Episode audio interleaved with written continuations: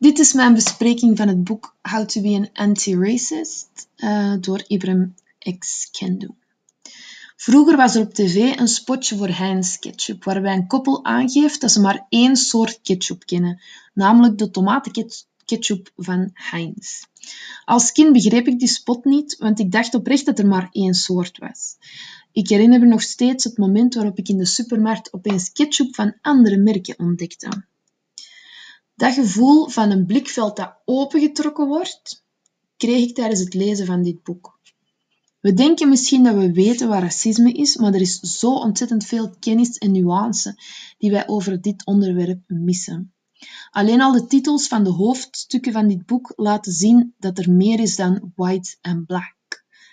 Dit zijn de hoofdstukken. Definitions, dueling consciousness, power, biology, ethnicity, body, culture, behavior, color, white, black, class, space, gender, sexuality, failure, success, survival.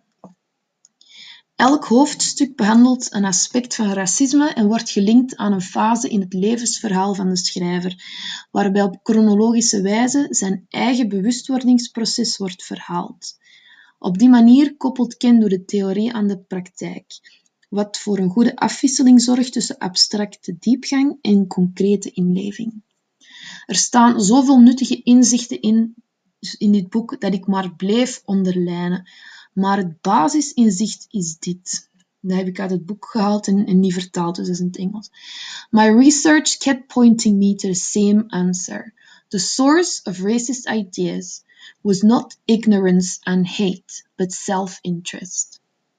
Kendo beschrijft doorheen het boek hoe beleidsmakers vanuit eigen belang, en dat begon dus met de slavenhandel, hoe dat die beleidsmakers vanuit eigen belang een racistisch bestuur opzetten en dan racistische ideeën verspreiden om dat beleid goed te praten.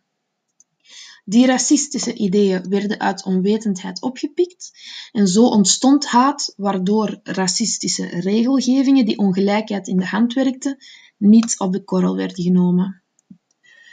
Nog een aantal inzichten die, die, dit boek mij bracht. Er is geen biologische basis voor een onderverdeling van mensen in rassen, dus rassen bestaan niet. Maar racisme bestaat wel. Racisme betekent dat er mensen zijn die geloven dat er verschillende rassen bestaan en dat sommige, mensen en dat sommige rassen inferieur zijn aan andere. Daarom helpt het niet te zeggen dat je kleurenblind bent, want daarmee pak je racisme niet aan. Want ook al zijn rassen niet echt, de gevolgen van racisme zijn wel echt.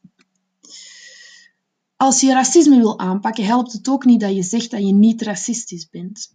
Een opmerking, idee of beleidsvoorstel is ofwel racistisch, en dat betekent zorgt voor ongelijkheid tussen de zogenaamde rassen, of antiracistisch, wat betekent dat het voor gelijkheid zorgt tussen de zogenaamde rassen.